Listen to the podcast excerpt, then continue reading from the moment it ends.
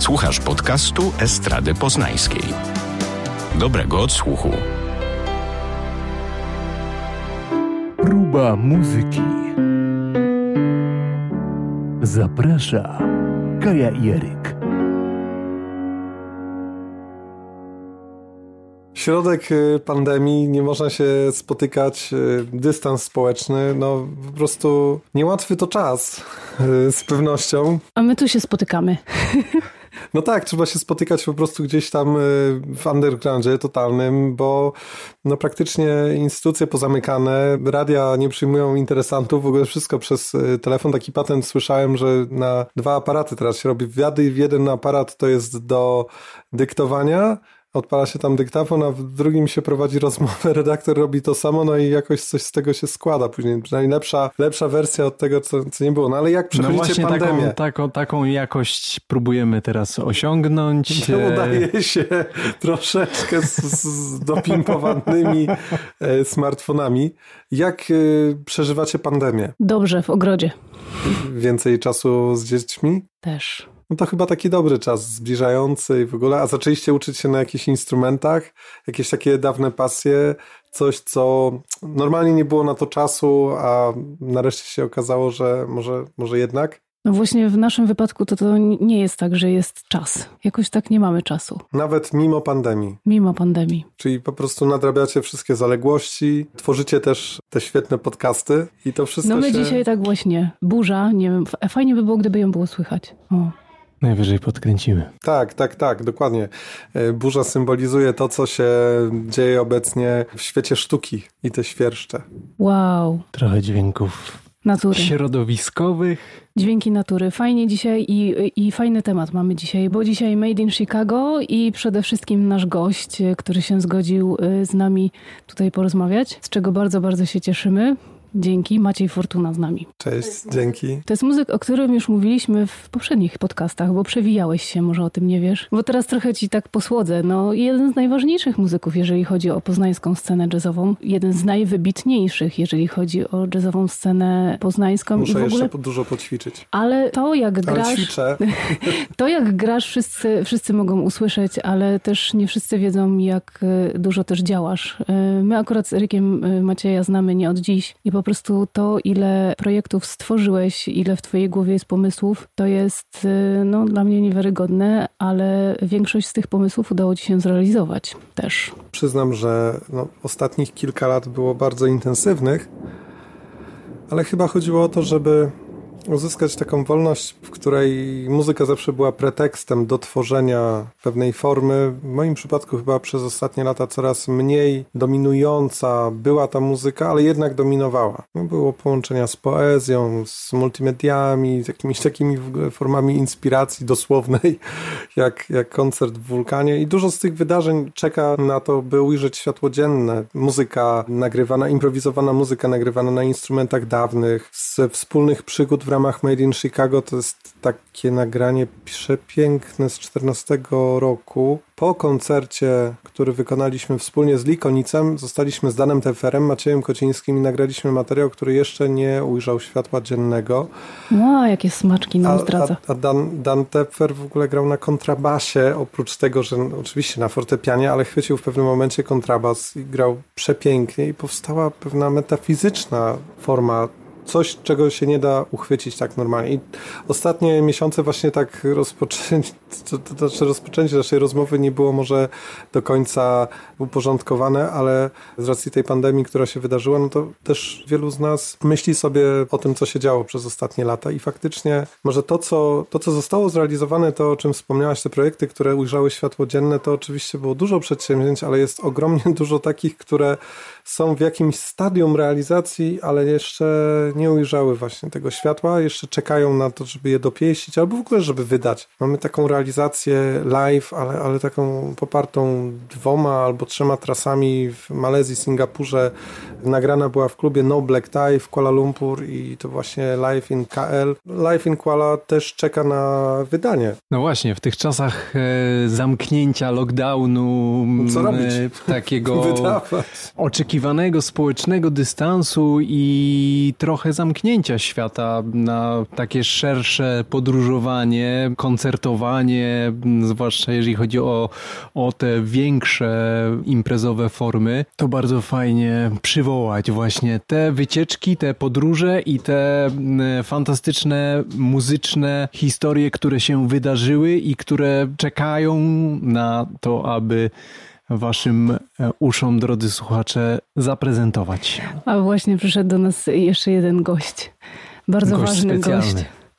Gość specjalny. y, O właśnie, o właśnie ten gość. Witaj Wilhelmie. Tak, tak, no to właśnie pasjonat wszelkich form muzyki improwizowanej, ale również i tanecznej, od e, bardzo undergroundowej sceny, którą czasami tworzy i, i jego tata, przez scenę chicagowską. Kena Vandenmarka z takim uwielbieniem wręcz słucha i bawi się bardzo dobrze przy Peterze Brodsmanie, ale też ma swoje fascynacje e, w, czasami w muzyce elektronicznej, ostatnio w ogóle słyszał no takie niszowe rzeczy, nawet ze sceny poznańskiej, e, niejakiego Cezarego Ostrowskiego, produkcje, które miały swoje światło dzienne ujrzeć w bardzo niewielkiej ilości egzemplarzy niszowych i pamiętam, że za każdym razem, kiedy słyszę coś takiego, to się rozbudza i, i co ciekawe, zaczyna do nich tańczyć. Wow, ale w ogóle to jest fa- fajna rzecz, którą poruszyłeś, ponieważ ja na przykład od dziecka y, słuchałam y, muzyki bardziej uporządkowanej. To nie jest tak, że,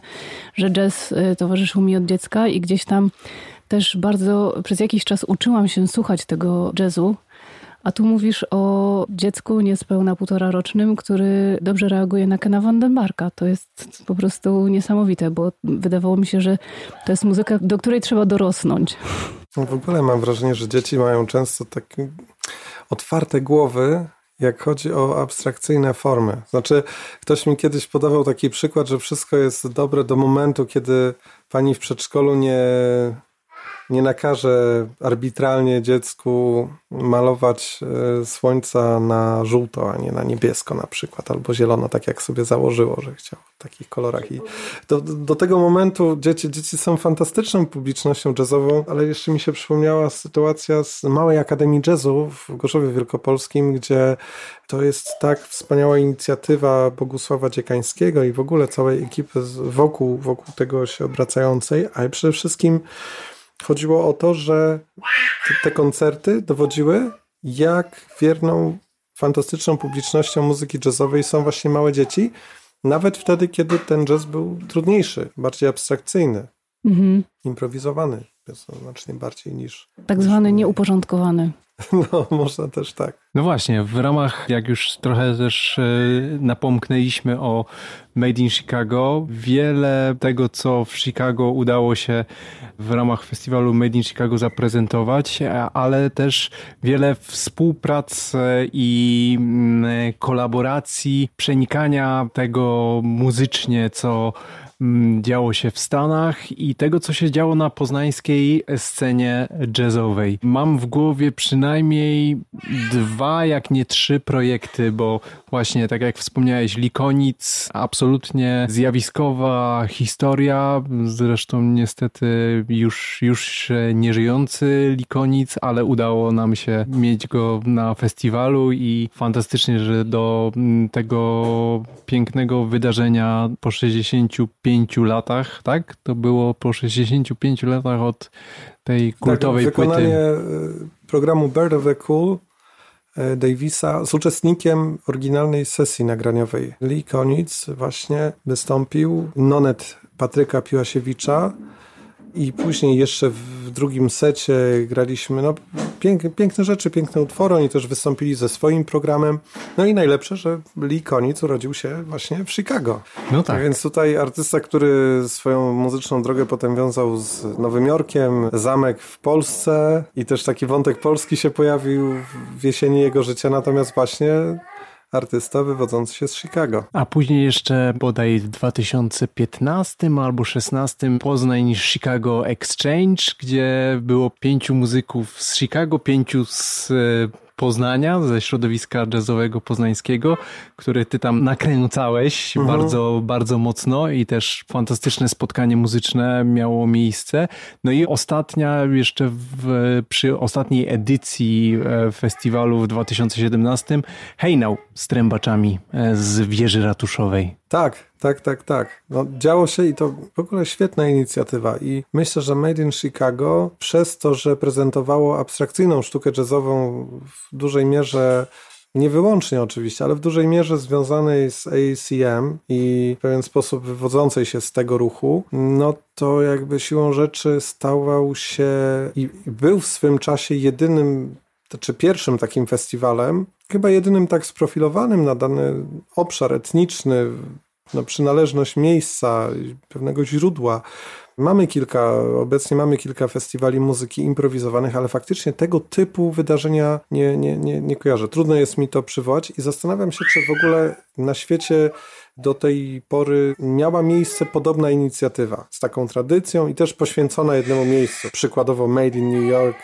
To no, no raczej nasz komentator tutaj wskazuje, że, że, że, nie, że nie, nie, że to po prostu... Powiem szczerze, że oprócz tego, y, co wybrzmiewało w tych poznańskich y, salach koncertowych i w klubowych podczas tego festiwalu, to też dało się zauważyć taką swoistą, y, rodzinną atmosferę pomiędzy tymi muzykami. Oni, jak przyjeżdżali tutaj, powiedzmy, przyjeżdżało 20 muzyków z tych Stanów Zjednoczonych i przez te trzy dni grali ileś tam koncertów, bo to były po dwa, po, po trzy koncerty dziennie. Powiedzmy z tych 20 20 muzyków grało jakieś trio, to całe 17 pozostałych osób zawsze szło na koncert, siedziało w pierwszym rzędzie i, i nigdy nie, nie opuszczali swoich y, przyjaciół, swoich kolegów, koleżanek, z którymi przyjechali i zawsze ich wspierali z tych pierwszych rzędów y, w trakcie, w trakcie koncertów. I powiem szczerze, że nie wiem... Cześć. Powiem szczerze, że nie wiem, czy kiedykolwiek widziałam coś takiego podczas jakiegokolwiek innego festiwalu, czy jazzowego, czy jakiegokolwiek innego. No, też... Y Trzeba pamiętać, że wśród muzyków ja spotykałem się też z takimi bardzo wewnętrznymi już e, opiniami o tym, jak podejść do koncertu na festiwalu, ale dominuje też taki pogląd, żeby nie słuchać koncertu, który poprzedza ten mój koncert, e, żeby w pewien sposób się wyłączyć, siedzieć w garderobie, żeby dać świeżość i żeby się nie sugerować tym rodzajem muzyki, estetyki, która poprzedzała występna, a w muzyce improwizowanej tę niezależność y, trudniej jest zdecydowanie zachować, mam wrażenie, niż w innych gatunkach muzyki. No jeżeli mielibyśmy jakąś muzykę programową, gdzie jest konkretnie coś do wykonania, jakiś konkretny, bardzo skomplikowany, ale zapisany, z góry znany wszystkim zespołu program, typu nutowy albo nauczony na pamięć, to na pewno jest inaczej. I inaczej jest też w przypadku, kiedy jest taka otwartość, kreatywność, kiedy wszystkie formy prezentowane na festiwalu są formami improwizowanymi. Czasami jest granie z obrazów, czasami granie w reakcji na pewne znaki wydawane przez dyrygenta, ale znaki sygnałowe, sygnały oznaczające określone komendy, dalej realizowane w formie improwizowanej. I wydaje mi się, że to połączenie się wszystkich muzyków w jedną rodzinę, bo faktycznie coś takiego miało miejsce, takie połączenie się w jedną spójność festiwalową, w, w to, że całe to wydarzenie miało, miało jeden mianownik, przesądzało takiej wyjątkowości. Tak, bo tam zawsze był na koniec utwór pisany, który miał być wykonywany przez wszystkich uczestników e, festiwalu. I, i to zdaje się, że to było do końca festiwalu. E, specjalny program, specjalny projekt. E, tak. Co roku. Co roku tak było, począwszy od pierwszego chyba było Harambe, dobrze pamiętam? Harambi. Czy Harambi.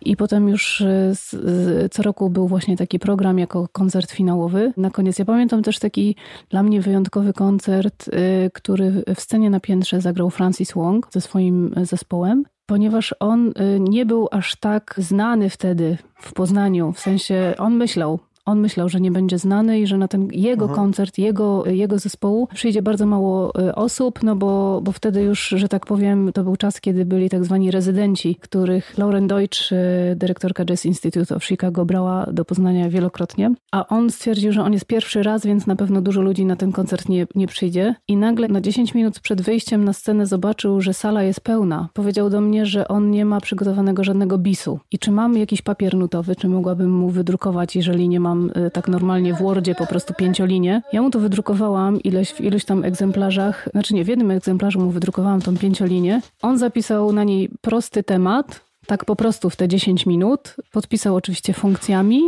skserował, rozdał wszystkim muzykom i oni w ogóle bez żadnej próby zagrali to na bis. I dla mnie to jest po prostu, okej, okay, ten temat nie był jakiś skomplikowany, ale on był jednak wymyślony na 10 minut przed koncertem i oni się wszyscy zgrali. Mhm. Nie, nie było po prostu żadnego problemu. Oni po prostu dostali te nuty i od razu wiedzieli, co, mają, co kto ma robić i jak to ma wyglądać. I bis był przecudowny. Czyli się okazuje, że jeszcze jak to często się okazuje, że jeszcze lepiej jest podążać ścieżkami nieprzetartymi, że największa świeżość jest wtedy, kiedy po prostu te, często się bierze pierwszy, pierwszy pomysł. Nawet muzycy, którzy operują w jakichś takich estetykach elektronicznych, jak Jaga Jazzy przy nowej płycie, mówią, że po prostu wolą jak to jest no wolą świeżość, wybierają pierwsze, pierwsze tejki.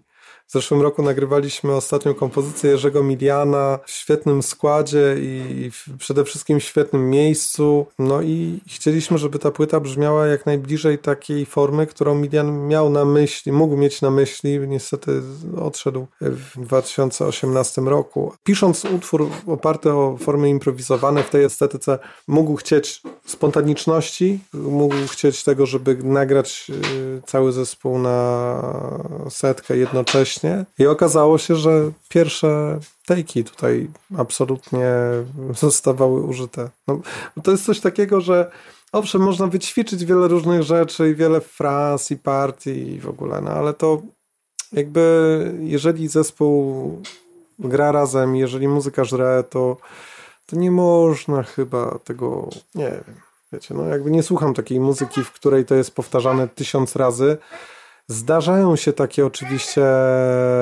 no nie wiem, ja też wykonywałem różne takie rzeczy, że się nagrywa 5 albo 10 razy solo i producenci wybierają tę docelową wersję, którą chcą, która im akurat pasuje, ale ogólnie nie dotyczy to muzyki improwizowanej. Myślę, że to chyba jest takie najważniejsze, żeby zachować świeżość i spontaniczność tej muzyki. Przecież tak jak brzmimy, nasza barwa, nasz dźwięk, jak nasz podpis, jak odcisk palca, to zostaje zawsze takie samo. A czy najważniejsze jest dążenie do doskonałości za wszelką cenę? Swego czasu Marsalis nagrywając klasyczne koncerty miał prawie 3000 edycji na jednej płycie. Wow. Edycji na, na jednym, dwóch y, dźwiękach czasami. Widziałem te sesje. To re realizator osiwiał.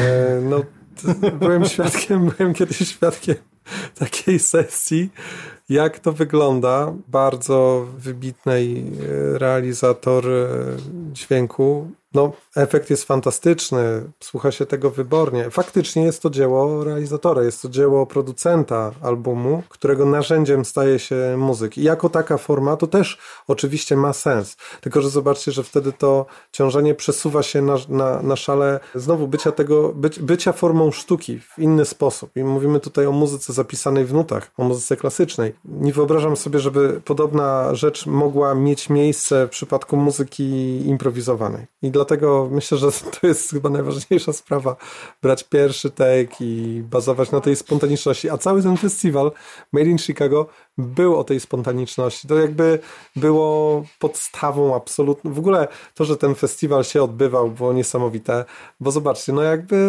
jest wiele festiwali, w których patrzy się przede wszystkim na to, jakie byłyby potencjalnie, z takim strachem jeszcze, jakie byłyby potencjalnie słupki frekwencji na tych festiwalach, biorąc pod uwagę jakieś mnożniki, algebrę i arytmetykę. I e, wychodzi często tak, że formy sztuki, niszowe formy sztuki, które swoją publiczność znajdują za granicą, w zakątkach kraju, ale przy, publiczność jest bardzo rozsiana, ale jednak właśnie przyjeżdża, bo oni poszukują takich propozycji i tych propozycji nie ma współcześnie, bo jednak zastanawiając się nad tym, czy pokazać artystę, który gra muzykę nieprzystępną, trudną, wymagającą wielkiego rozwoju umiejętności słania, wybiera się artystów, którzy chociaż grają w tej estetyce improwizowanej czy jazzowej, grają coś, co jest skrojone na piękny, komunikatywny projekt, który może nie opiera się tak bardzo na muzyce i formie improwizowanej, nie wymaga tyle od słuchacza, ale być może gwarantuje to, że będzie więcej osób na publiczności, że łatwiej tę publiczność się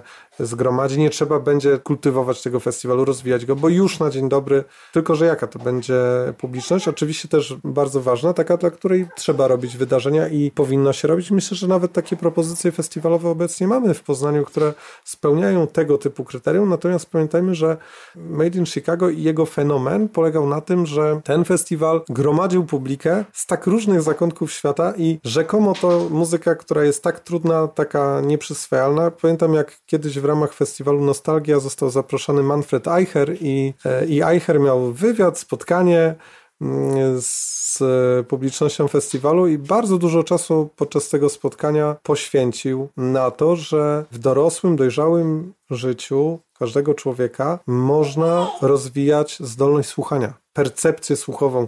To jest coś, co się rozwija, co rozwijamy tak samo jak, nie wiem, e, upodobanie do różnych wysublimowanych rodzajów wina, albo doceniamy kino kiedyś bardzo przyziemne, byśmy tak powiedzieli, komercyjne, a z czasem zaczynamy poszukiwać coraz bardziej wymagających propozycji, sięgamy do klasyki kina do lat początków filmu i pasjonujemy się tym, co, co widzimy. I tak samo jest ze słuchem. Słuch się wyrabia, ale dosłownie wyrabia. Niezwykle ciekawe te historie, które Maciej przytoczył, nie tylko z festiwalu Made in Chicago. I dziękujemy Maciej za ma obecność, za to, że trochę nam tej normalności dawnej przywróciłeś. Bardzo mi miło, czuję się wzruszony. Dzięki. Dzięki bardzo i dziękujemy również Wam za słuchanie i do usłyszenia za tydzień. Do usłyszenia.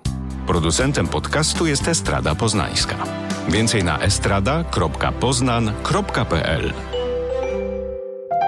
Próba muzyki. Zaprasza Kaja Jeryk.